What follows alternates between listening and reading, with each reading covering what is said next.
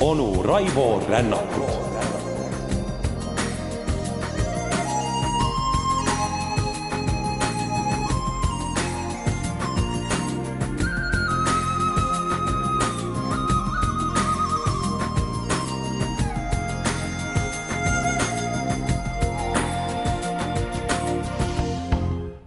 ja kaunist hommikut, head sõbrad ja tere tulemast eh, taas, sedapuhku siis teist korda, rändama spiooniradadel ning seda eelkõige siis käsikäes Briti eh, kahe eh, salaluure ehk MI6 ja MI5-ga käsikäes, millest siis esimene teatas tegeleb välis- ja teine siseluurega. ning alustasime oma väikest rännakut sellest, kuidas vast ametisse nimetatud Sir John MacLeod Scarlett oma ametiautoga liikus töökoha suunas. ning sellega seoses valgustasime ka, millised olid need probleemid. Suurbritannias täpselt nagu nad on seda praegu ning me võime vaid ette kujutada, milline meeletu töötaak on mõlemal organisatsioonil ees selleks, et turvata olümpiamänge Suurbritannias. rääkisime ka sellest, millisel tohutul hulgal on pisikesi moslemi organisatsioonikesi Suurbritannias, kus moslemi elanikkond moodustab ju märkimisväärse osa. Eriti suurlinnade omast. Ning rääkisime ka sellest, milline luureorganisatsioonide virvarr nii-öelda ametlikult või mitteametlikult eh, Londonis resideeris. Ning ka sellest, et eh, ärevate aegade tulles saadi tõeliselt suured rahasüstid mis võimaldaski üles ehitada kõik need jälgimissüsteemid, mida me võime näha kas või teleekraanidel jooksva mm, teleseriaali Spooks ehk eh, spioonid episoodides ning muide paralleele toome me isegi kui soovite, siis eh, pool legendaarsest eh, filmist, kus peategelaseks salaagent James Bond. kuid nüüd siis eh, jätkakem ning heitkem pilk, mida siis kujutasid endast kõik need rohkem või vähem sõbralikud luureorganisatsioonid, kes Suurbritannias resideerusid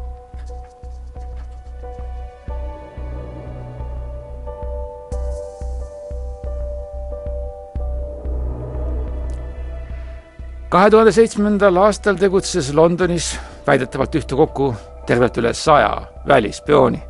Nende hulka kaks meest nii eksootilisest riigist, nagu seda on Tšiili, kes töötasid siis Dirección de Intelligencia ehk Diina heaks, veel kolm ohvitseri Birma riiklikust luureteenistusest, kuus SASS-ist, mis on siis Lõuna-Aafrika salaluure, ning mis paiknes oma peakorteriga otse Trafalgari väljakul. Otse loomulikult oli võimas esindus eh, Iisraeli Mossadil, eh, mis eh, oli oma peamise pesana just saatkonnas Kensingtonis ning muide, kõige eksootilisema esindajana ilmselt ka ainus Põhja-Korea spioon, kes töötas saatkonna teise sekretäri tiitli kattevarjus ning kes oli alatine külaline nii siseministeeriumis, Buckinghami palees kui ka kõikvõimalikel muudel koosviibimistel. Kusjuures see põhjakorealane paistis silma oma nõndanimetatud enne-lõuna ülikonnaga ehk see on see kuulus Briti Coop, mis nii rõhutatult eristab eh, tihtipeale kandjat teistest ning eh, kelle kohta eh, Kanada rahvuspeo kokteilipeol seesama Scarlett märkis, et mees tuletab talle vägagi meelde teenrit nimega Oddjob James Bondi filmist Goldfinger, no teatavasti Ian Fleming autorina on kuulus kummaliste nimede poolest ning Oddjob tähendab ju tõlkes tegelikult kummalist tööd. no ma ei hakka siin tsiteerima kõige legendaarsemat nime selles filmis, mis kuulub ühele daamile, ma arvan, et meie saate korrektsuse huvides kuid oli oma spioone isegi küll Kuubalt, küll Sudaanist, küll Sambiast, kõik nad läkitasid diplomaatilise postiga kõikvõimalikke ettekandeid, mis nagu MI6 oli ammu kindlaks teinud, põhines peamiselt Briti ajakirjandusel avaldatud materjalidel, mida lihtsalt seirati ja siis resümeeriti, kuid oma olemasolu üritasid nad õigustada ikkagi. lisaks veel Argentiina, Mehhiko ning kogu muu Lõuna-Ameerika pakett, mida kõike ei jõua üles lugedagi. Kusjuures väga tõhusaks abiliseks oli Iirimaa, küll oma väikese, kuid väga tõhusa luuretalitusega ning Iirimaa on meilgi olnud juba kõneaineks, sest et eh, nii suur oleks ju kiusatus kõikvõimalikel ekstremistidel kasutada nii-öelda IRA know-how'd. IRA, mis justkui oli päevakorrast maas, kuid kus liikmed ikkagi ju kusagil tegutsesid ning Iirimaa oli tõhus abimees, et äh, aidata oma tormiliselt arendava IT-tööstuse ning sellega kaasnevaga nii-öelda pommitööstuse ekspertiisi äh, laienemist just nimelt äh, moslemite kätte. nii pandigi kõik nimed MI6 jälgimise nimekirja ning koopiad saadeti vastavalt kuhu vaja ka edasi Pakistani luurele, millega on üleüldse kuni tänase hetkeni välja kontroversiaalne suhe, kus ühelt poolt annavad britid ja lääneliitlased Pakistanile raha ning teisalt peavad tegema vastuoperatsioone, sest Pakistan tõepoolest tegutseb kahel rindel, justkui võideldes Talibaniga ja samal ajal justkui neid toetades ja kogunisti nii-öelda sanatoorselt üleval pidades, millest me jõuame samuti pikemalt rääkida mis puudutab äh, Al-Qaeda sidemeid Iiri terrorismiga, siis äh, olid need täiesti otsesed. tehti isegi kindlaks, et säärane mees nimega Hamid Aih tegutses Dublinis. väidetavalt oli tegemist saleda, nägusa, tõmmu näo ja äärmiselt elegantselt riietuva alžeerlasega, kes resideerus Dublini eeslinnades kogunisti kolmel aadressil. ning äh, just tema oli ka see, kes samuti kureeris üheteistkümnenda septembri rünnaku rahastamist ning seda peamiselt islami heategevusorganisatsiooni Mercy Relief Agency kaudu. ning otse loomulikult professionaalina oli seesama Aih Iirimaalt lahkunud mõni päev enne rünnakut.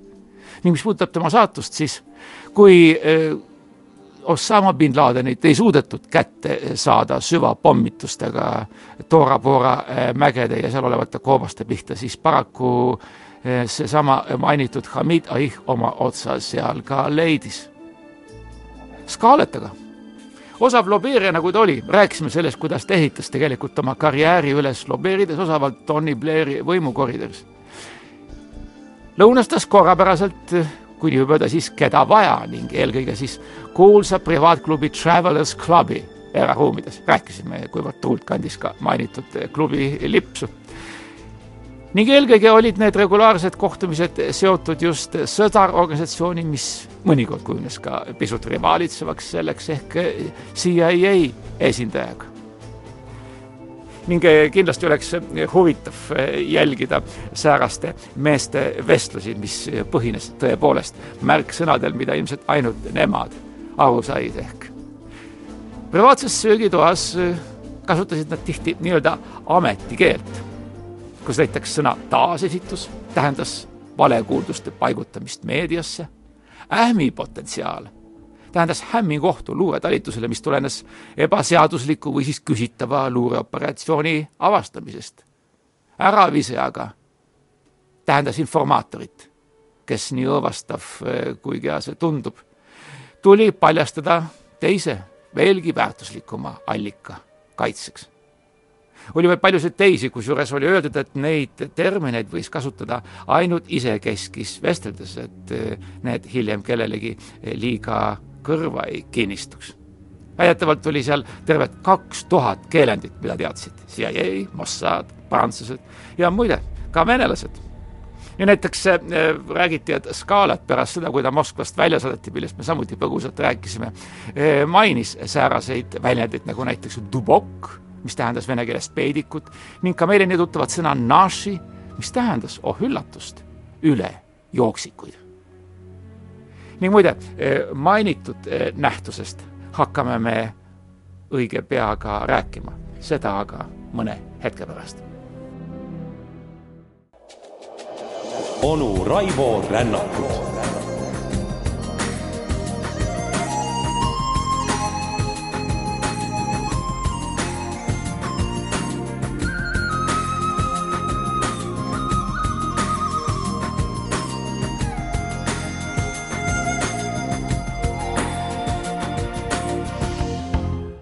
kui olla hetkes siin ja praegu, siis teame, kuidas maailm hoiab hinge kinni kõige sellega, mis seotud Iraaniga. kus USA teeb meeletuid ponnistusi, et hoida Iisraeli tagasi sooritamast lennurünnakuid tuumarajatiste pihta ning see on täiesti arusaadav, sest küsimärgi all on Iisraeli eksistents. ning oh üllatust, kõik oli tõepoolest justkui lausa kuupäevaliselt teada, uskuge või mitte, juba mitme aasta eest. ning meie lähemegi Iraani ning me läheme üheteistkümnendasse detsembrisse aastal kaks tuhat kuus.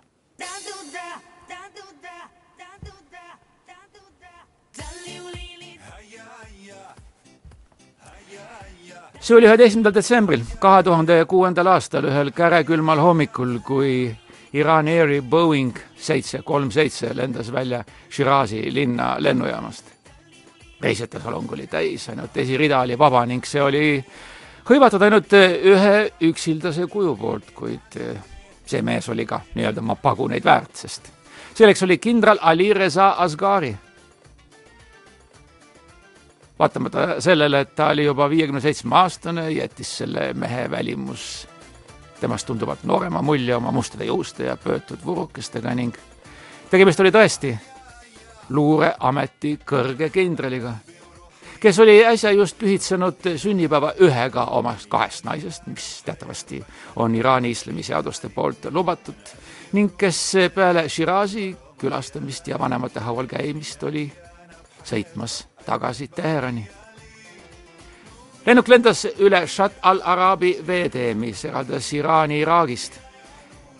ning ilmselt see mees mõtiskles kõikide nende nüansside üle, mis võib juhtuda, kui Iraan hakkab ühel päeval jagama Iraagi saatust. see veetee oli äärmiselt tihedalt patrullitud Iraani kahuripaatide poolt ning mäletame isegi äsjaste uudiste valguses, kuidas peeti kinni Briti kuningliku sõjalaevastiku äh, patrull ning äh, meremehed pidid üle elama kõikvõimalikke alandusi ja vabandusi ja äh, muid sääraseid, et kinnitada justkui fabritseeritud süüdistust, et nad on ületanud seda sensitiivset liini. kuid see oli propagandasõda ning mõlemad pooled said tegelikult sellest väga hästi aru. mis puudutab aga mainitud Asgari, siis ta omas kõrget positsiooni organisatsioonis nimega Vevak. See oli Iraani tähtsaim välisluuretalitus, kellel oli spioone rohkem kui, uskuge mitte, seitsmekümnes riigis. otse loomulikult nende hulgas Londonis, Washingtonis, Moskvas, Pekingis.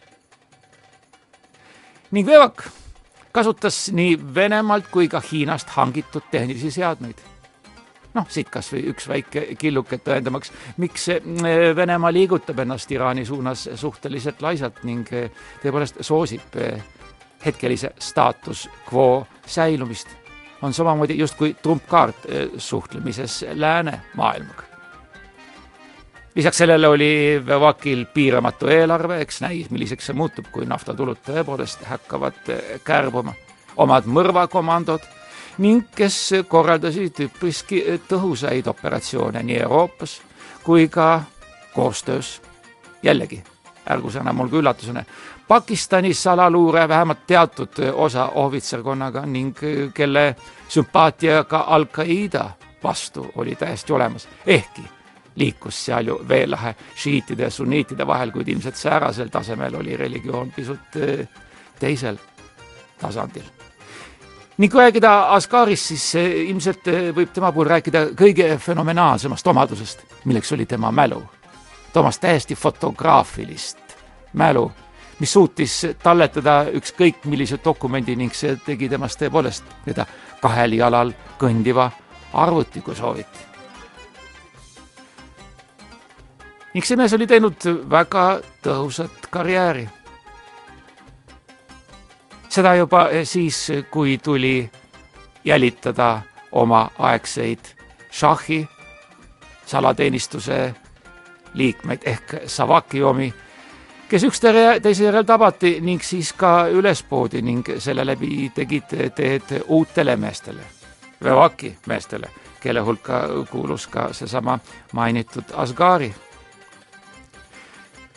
ning õige pea jõudiski kätte aeg, kus aastal kaks tuhat kolm teatas Iraani Islamivabariik, et ta on hakanud valmistama kõrge rikastamisastmega uraani. uraani, mida küll deklareeriti rahuaegseks kasutamiseks, kuid millest said kõik väga hästi aru, et selle läbi muutus mullade režiim aina ohtlikumaks ja ettearvamatumaks ning see põhjustas otse loomulikult äh, ärevust. ehkki olid teada need kohad, kus äh, säärased keskused paiknesid. olid ju reaktorid Natansis, Arakis, Busheeris ja ka Teheranis. Ning nüüd pange tähele, seesama Asgari oli üks väheseid isikuid, kes teadis juba toona täpset seisu ja ka seda, millal on Iraan valmis andma omaenda ennetuslööki Iisraeli pihta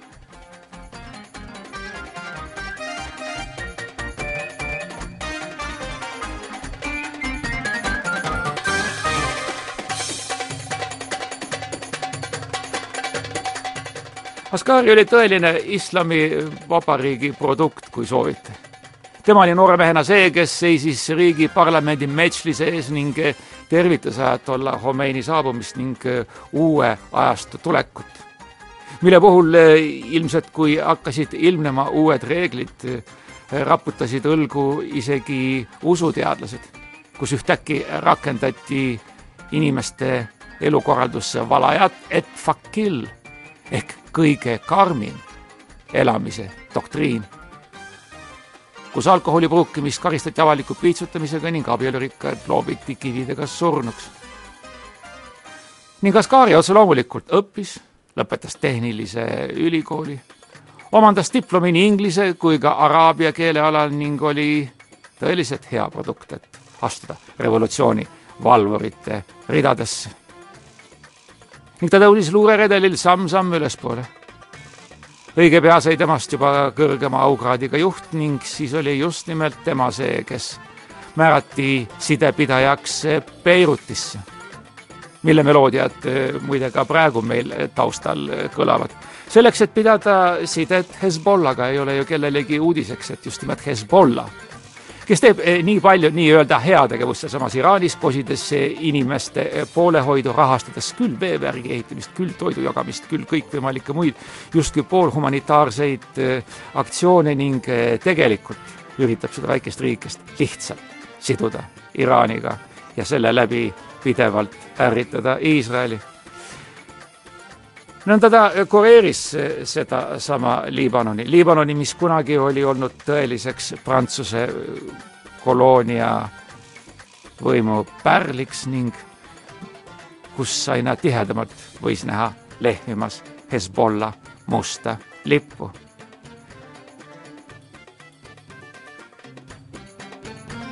Asgari oli ka see, kes selgitas Hezbollah liidritele, et neid tuleb hakata varem või hiljem lisaks sellele nii-öelda heategevusele näitama oma nii-öelda muskleid.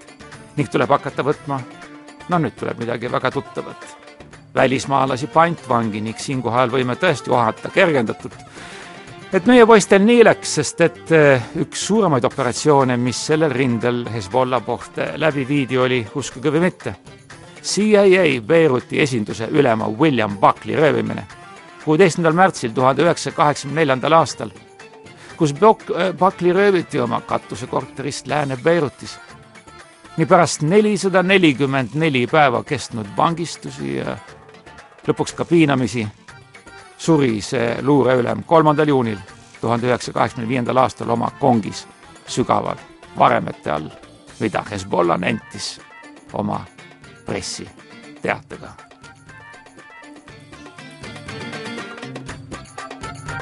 ka oli Asghari see, kes näitas Hezbollah polmi valmistajatele nii-öelda kõige moodsamaid trende, kuidas valmistada kõige uuemaid, kõige tõhusamaid lõhkeseadeldisi. mida oli vaja selleks, et käivitada USA mereala baasi hävitamiseks? Beiruti lennujaama lägedal ning eh, selle läbi eh, teha need löögid eh, niivõrd tõhusaks, et see pidi paratamatult äratama kõikide rivaalitsevate organisatsioonide tähelepanu. ning Askari üks viimaseid aktsioone Beirutis oli Süüria lennuväe poolt Lõuna-Liibanoni kohal alla tulistatud Iisraeli piloodi Ron Aradi toimetamine otse Teherani. ning kui täna siis Teherani, siis ootas teda ameti kõrgendusena juba Vevaki asedirektori koht tema teiseks eh, reisu sihiks eh, oli ka Damaskus. no mis puudutab Damaskust, siis eh, just Iraani toetus on praegu kas rohkem või vähem avalikult tuntav valitseva režiimi toetamiseks, sest et tegemist on teatavasti alaviitide religiooniharuga, mis tihedalt seotud šiitlusega ning seetõttu pole ime, et praegu võib Süüria armee ohvitseride hulgas näha täishabemega ohvitsere, mis muide Süüria reeglite järgi on keelatud ning paralleele pole vaja ilmselt kaugelt otsida. ning veel üks episood. enne kui me hakkame jälgima meid huvitavate sündmuste käivitamist leidis see aset kolm kuud enne, kui Ascari asus just nimelt sellele samale reisile Shirazi, millest just äsja rääkisime. nimelt see oli siis, kui oma audientsile kutsus ta ei keegi muu kui Iraani president Mahmud Ahmadinejad ise. Oma eraresidentsi, kus kohvi ja magusate kookide juures. Teatas Ahmadinejad Ascarile õõvastava uudise et tema andmete järgi pannakse talle peale veel üks kohustus. nimelt tuleb avastada riigi tuumaprogrammiga seotud inimeste hulgas olev reetur. see isik tuli leida vahendeid valimata. kõik, mida Askari vajas reeturi avastamiseks, oli tema käsutuses. ning muide, mitte hetkekski polnud president Ahmadinejadile pähe tulnud, et kindral Ali Reza Asghari oligi seesama tuumaprogrammi tooja hobune ehk agent, kes töötas MI kuue heaks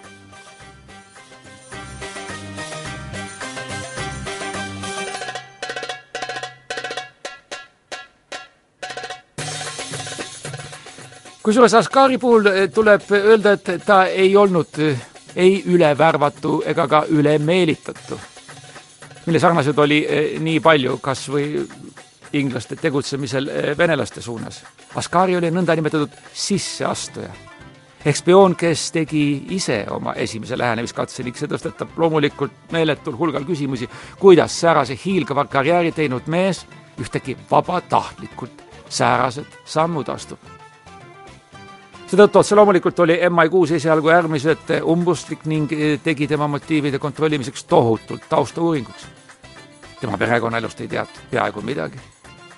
ning samal ajal MI6 juht Scarlett kartis, et kui ta piisavalt kiiresti ei reageeri, siis võivad oma teeneid pakkuda loomulikult sõbralikud rivaalid ehk CIA, Prantsuse luure või ka sakslaste BND, kes otse loomulikult võtaksid ta avasüli vastu kas oli tõesti mängus omakasu või veel mingi seni tundmatu eesmärk, mis oli mehe tõuganud inglaste käte vahele.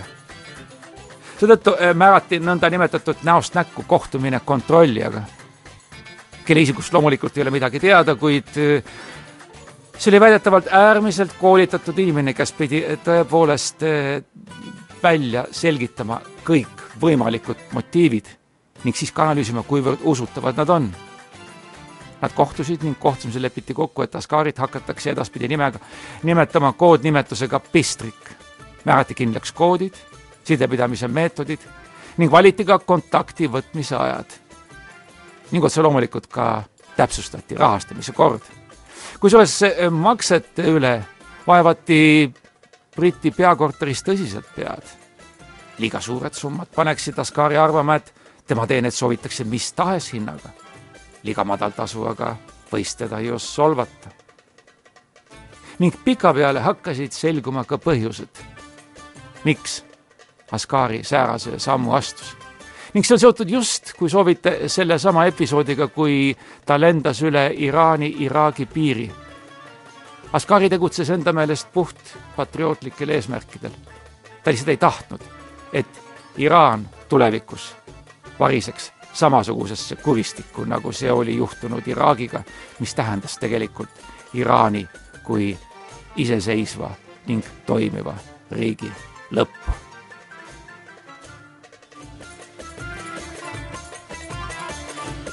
ja otse loomulikult kõik see, mida Askari pakkus, see oli ammendamatu. rääkisime tema fotograafilisest mälust ning lausa eh, fenomenaalsetest võimetest kõike talletada nii andis ta neile äh, väärtuslikku informatsiooni, mis puudutas Al-Qaidat, ka seda, kes keda asendas ning kes milliseid operatsioone juhtis.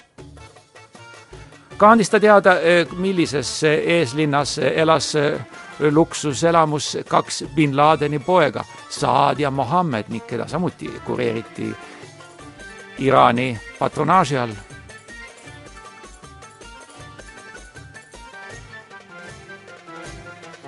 Askari oli jaganud ka väärtuslikke eh, luureandmeid, mis tõstatasid just nimelt eh, Pakistani kaardi, mis samuti on kuni siiamaani äärmiselt sensitiivne teema. rääkisime sellest, eh, kuidas Pakistan justkui tegutses kahel rindel ning kui tihtipeale siiamaani läänes arvati, et kindral Musharraf veendunud lääne liitlasena võimult kõrvale tõrjuti, siis sellega valmistati karuteene läänlastele, siis selgus Askari andmete valguses, et ka Musharraf oli mänginud nii-öelda, nii-öelda kahe piibuga mängu. ning nõnda ilmneski, et needsamad Talibani võitlejad lausa ametlikke reidi pidi toimetati Pakistani, neid opereeriti, neid raviti ning peale nii-öelda sanatoorseid kuure saadeti tagasi võitlema ameeriklastega. ka ilmnesid eh, kontaktid eh, sellesama Iraaniga, kus, eh, vabandust, Iirimaaga, kus äärmuslik terrorirühm Continuity IRA, mis siis justkui jätkas IRA ja tõelise IRA tegevust, varustas iraanlasi vajaliku know-how'ga kuni sinnamaani välja, et äh, hakati valmistama lausa äh, saatanlikke pomme, millega Hezbollah pommitas Iisraeli soomukeid ning kus meeletu tulepall tulistati soomuki suunas ning sellega põletati maha terve meeskond. see oli viimase äh, kokkupõrke episoodidest üks ilmselt kõige silmaga nähtavamaid. ja jällegi kontrollis London tema väiteid, võrdles neid ira-, iirlaste omaga ning selgus, et kõik pidas täpselt paika. kusjuures see polnud mitte esimene kord, kui seesama Continuity IRA müüs oma pommimeistete teadmisi. nii näiteks äh, oli teada, et aastal kaks tuhat üks siirdus kolm iirlastest liiget ka Kolumbiasse, et koolitada seal riigi terrorirühmatust nimega FARC FARC, kes teatavasti kuni tänase päevani hoiab lugematul hulgal pantvange üle kogu maailma. ning kui Kolumbia luuretalitus DAS nad vangistas, ja Bogota kohus nad MI kuue vihje peale pikaks ajaks vangi mõistis, oli Farc see, kes aitas mainitud inimestel põgeneda ja lõpuks smugeldati nad ka tagasi Iirimaale.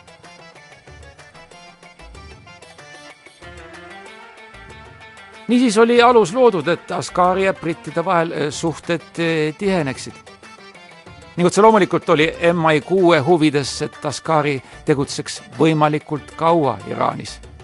ta oli liialt väärtuslik, et lubada tal lihtsalt üle joosta, mida varem või hiljem kahtlemata ennustati. kuid MI6 jaoks oli lausa essentsiaalselt vajalik, et nende käes oleks värskeim teave ning seda suurem oli samal ajal Askari sissekukkumise oht, sest mitte miski ei kaitsnud teda saatusliku vea tegemise eest. nii külma närviga tegelane, nagu ta ka oli. ning tuleb öelda, et MI6 ajaloos ei ole Iraani operatsiooni puudutavates eh, tegevustes olnud mitte ühtegi paremal ametikohal ning eh, mitte ühtegi nii nutikat topeltagenti, kui seda oli Askari kelle kohta tõepoolest öeldi, et tema puhul võis rääkida tõeliselt teise maailmasõja aegse topeltagendi külma närvi kandjaga. ja muide, sellesse teise maailmasõja järgsesse aega me ka lähme ja seda mõne hetke pärast. onu Raivo Rännakut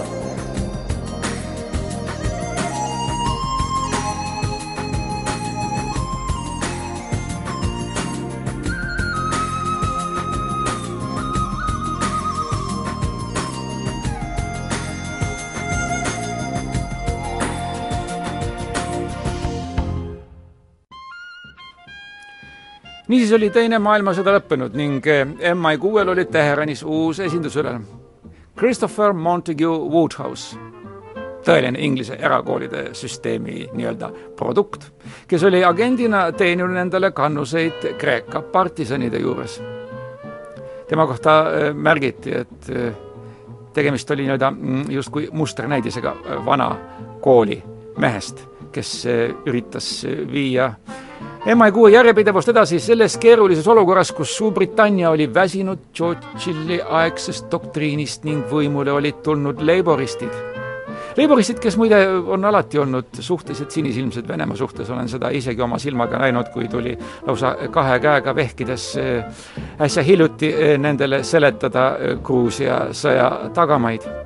ning otse loomulikult Clement Attlee valitsedes olid märgusõnadeks leiboristide poolt MI6 aadressil seda ei tohi teha, jätkake ettevaatlikult ning me võime ette kujutada, millist frustratsiooni see kõik tekitas. samal ajal kui venelased tõepoolest üritasid saada oma jalga Iraani ukse vahele ning põhjuseks eks ikka seesama nafta Iraan, mis ühelt poolt eh, oli äärmises vaesuses ning teisalt eh, kandis oma pinnal inimesi, kes suplesid rikkuses, eriti need, kes olid seotud Inglise-Iraani naftakompaniiga nimega Anglo-Iranian Oil Company ehk lühendatult IOC. selle direktorid ja iraanlased olid justkui nii-öelda ühe vööga kokku seotud ning üks abistas teist, kuid siin oli üks kitsaskoht. nimelt, eh, kui troonil oli Mohammed Reza Pehlevi, Iraani šah, kes ka Tallinnat on väisanud ning omal ajal mm, daamide hulgas elevust tekitanud oma kauni abikaasa Farahi tualettidega, siis eksisteeris see tol ajal rahvuslasest juhtpoliitik, peaminister Mohammed Mossadegh, kes aga kutsus üles sedasama Ayoki riigistama. Ning me võime ette kujutada, millist ärevust see kõik tekitas nõnda üritatigi lobeerida kõikvõimalikel rinnetel ning üheks sääraseks osavaks lobistiks oli eh, MI esinduse vanim töötaja George Young, kes kõikvõimalikes lõua, lõunalaudades oli eriti osav oma terava keelega rääkima kõikvõimalikke anekdoote. pange tähele, araablaste aadressil naeruvääristas nende söömisharjumusi, hoiakuid, räpasust ja kõike muud ning kui see paneb teid kulme kõrgitama, siis tegi ta seda täiesti õigesti, sest iraanlasest pärslaste mantlipärijatena peavad ennast tõepoolest peajagu ülemattemana, kui seda on araablased ning ta tabas nii-öelda täpselt õiget kohta. Tegutseti ka ülikoolide rinnetel, kus värvati oma teenistusse kõikvõimalikke professoreid, kes jutlustasid üliõpilastele kui tulevastele spetsialistidele, avamaks nende silmi venelaste suhtes ning äh, ei tea, kui edukas see kõik on, kuid Iraan justkui päriselt oma valikut Venemaa suhtes ka langetanud ei ole. igatahes esialgu ei olnud bolševikud Iraani suunal eriti edukad. Nad teadsid äh, tol hetkel liiga vähe nii Iraani kultuurist kui ka tagamaadest. ning nõnda arvati, et kui tuli MI kuue esinduse juhiks uusmees Stewart Menzies, siis leidis ta tol hetkel, et äh, venelased tõesti ei kujuta erilist ohtu Iraani platsdarmil. muide, mis puudutab Menzist, siis jällegi on tegemist ehtsa Briti aristokraadiga, kes oli Eatoni vilistlane ning kes veetis oma nädalalõpud oma Beauforti ja Corni jahiretkedel ratsutades ning vihjas siis vastavas konditsioonis eh, olles, et eh, vägagi võimalik, et ta on kuningas Edward Seitsmenda sohipoeg ise. Ei tea, kas sel kõigil oli tähtsust või mitte, kuid ka see Mensis oli käinud läbi nii-öelda sügavast mõõnaolukorrast siis, kui teise maailmasõja käigus sakslased, britid tõesti luure maailmas üle trumpasid ning alles siis, kui Bletchley eh, park oma koodi murdmise süsteemi ning eh, Enigma kodeerimismasina šifrikoodid murrab, saavad britid tuule tiibadesse. ning siis moodustatakse ka eh, töösuhted esialgu veel mitte nii tugeva luureorganisatsiooniga, mis oli ameeriklaste OSS ehk Office of Strategic Studies, mis on siis strateegiauuringute büroo ning mis oli tegelikult CIA eelkäija ilmselt paljud äh, televaatajad mäletavad suurepärast Vene seriaali Seitseteist kevadhetke, kus just sellesama OSS-i esinduse juht Alan Dulles, kes resideeris Bernis ehk Šveitsis, hakkas uut organisatsiooni üles ehitama. kusjuures Menziski ehitas tol ajal alati õlgu, kui ta väisas Talles tema Šveitsi peakorteris ning seiras ukseplaati. Nimelt oli Tallese uksel nimeplaat, mis andis külastajatele teada, kes ta on ja millega tegeleb. ning seletus oli väga lihtne. Talles ütles mulle, vastas üks tolleaegne CIA ametnik William Buckley et see oli tema eriline viis näidata, et tal ei tarvitsenud teha oma tööst saladust, sest spionaažis võis ta kõiki üle trumbata. ja nagu me tulevikus näeme, tõepoolest see tal ka õnnestus. Mis puudutab aga Mensis, siis suutis ta oma nii-öelda poliitilist kapatsiteeti tugevdada ning olla äärmiselt osav ka võimukoridorides lobeerides ning tal leidus ka palju kadestajaid, sest tal oli otsene juurdepääs Winston Churchilli juurde endale. nimelt oli Winston Churchill lausa kirglik kuulaja, mis puudutab kõiki neid luurelisi mängu. see lausa lummas teda ning igal õhtul tõi luureülem peaministri sõjaaegsesse maa-alusesse punkrisse Whitehallis viimased dešifreeringud, mõlemad mehed istusid siis maha maitsesid lonkshaaval malt whisky't ja Mensis jagas küsimusi tulistavale Churchillile selgitusi ning tihtipeale oli juba Koidu aeg, kui luureülem oma kontorisse tagasi jalutas. Pole siis ime, et eh, kõrged sõjaväejuhid ja eh, poliitikud eh, tema suhtes tõelist kadedust tundsid. Samal ajal aga hakkas ikka rohkem ja rohkem areenile ilmuma CIA, mis on täiesti loogiline võimsam riik, võimsamad rahastusvahendid ning seda kuni tänase päevani palgal, eh, kuni tänase päevani välja, sest on ju CIA palgal näiteks praeguse sajandi alguseks kakskümmend kolm tuhat viissada inimest. samal ajal kui MI6 palgal kõigest tuhatkond, rahasummadest rääkimata.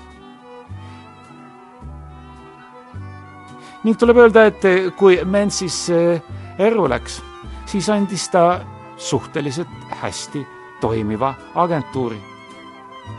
agentuuri, mis pidi töötama ameeriklastega käsikäes ning selle läbi siis ka täpsustama oma tööd Iraani suunas. ning Iraan saigi selleks mängumaaks, millel hakati nüüd ikka rohkem ja rohkem aktsioone läbi viima. ning selleks vahetame jällegi oma helimaailma ning siirdume kaugetest Teise maailmasõja aegadest tagasi kaasaegsesse Iraani.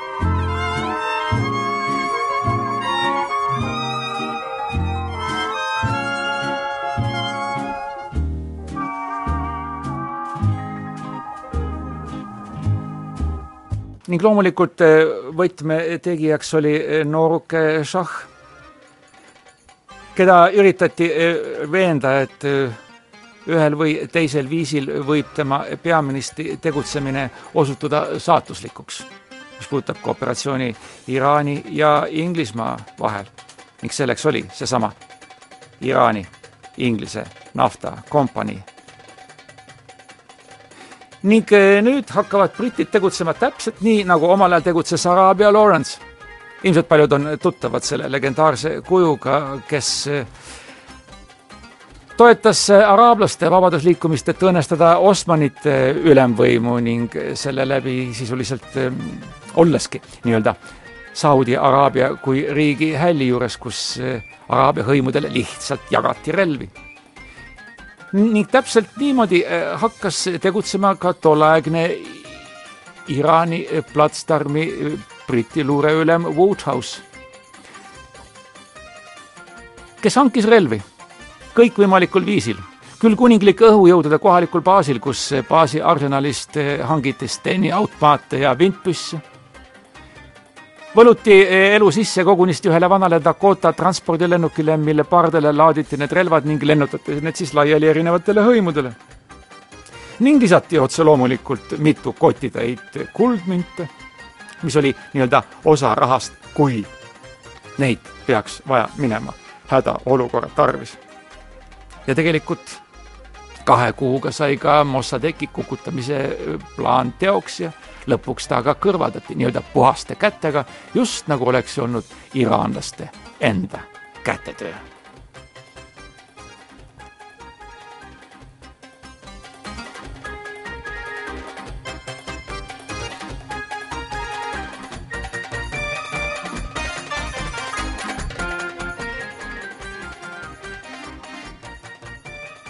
ja nõnda jõudiski kätte aeg, kus Iraanis, nagu me kõik väga hästi teame, toimus riigipööre, kus ajatolla tuli tagasi Iraani ning nüüd olid mänguplatsdarmil juba Askari sugused inimesed.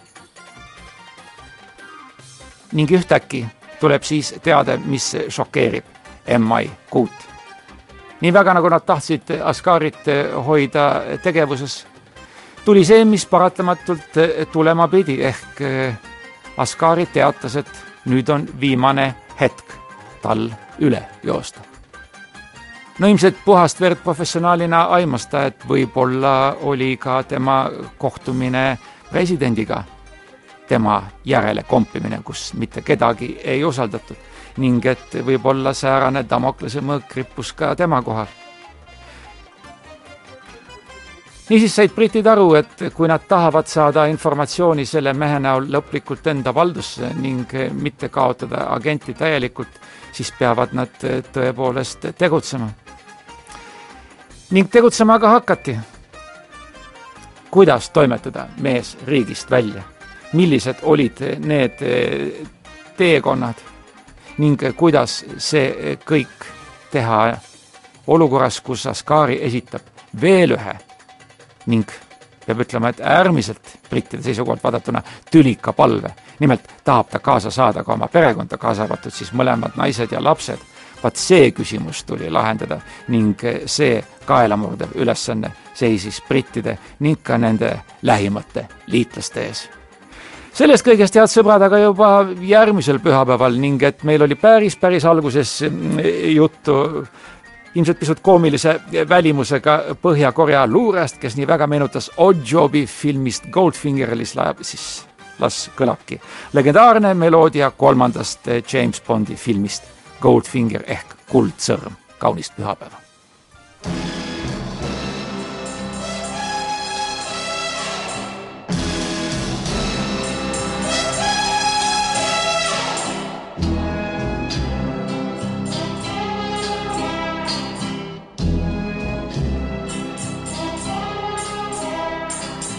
Goldfinger.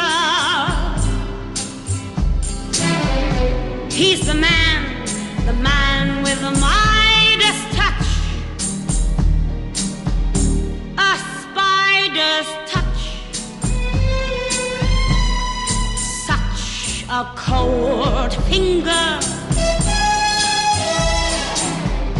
beckons you to enter his web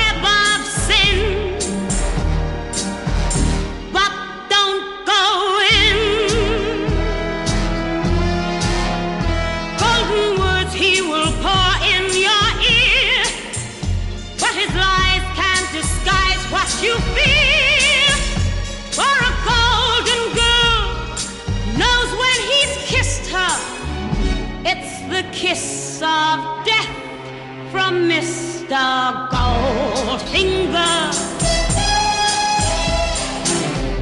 Pretty girl, beware of this heart